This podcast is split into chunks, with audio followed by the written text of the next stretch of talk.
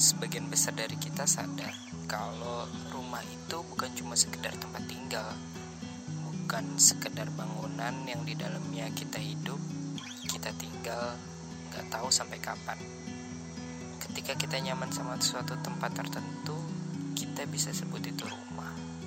Entah itu tongkrongan, teman, pasangan, atau bahkan tempat itu sendiri. Jadi tempat kita kabur dari aktivitas yang bikin kita jenuh. Jadi tempat kita istirahat, balikin mood, atau bahkan sekedar ngeluh. Tiap rumah ada masanya. Kalau kata Hindia, pindah berkala rumah ke rumah.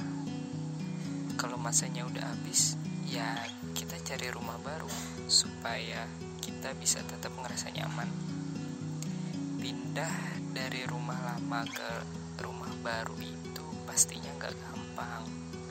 Banyak yang harus kita pilih mana yang harus dibawa dan mana yang harus tetap tinggal di tempatnya. Seenggaknya dari proses ini kita belajar buat milih mana yang terbaik buat kita nantinya.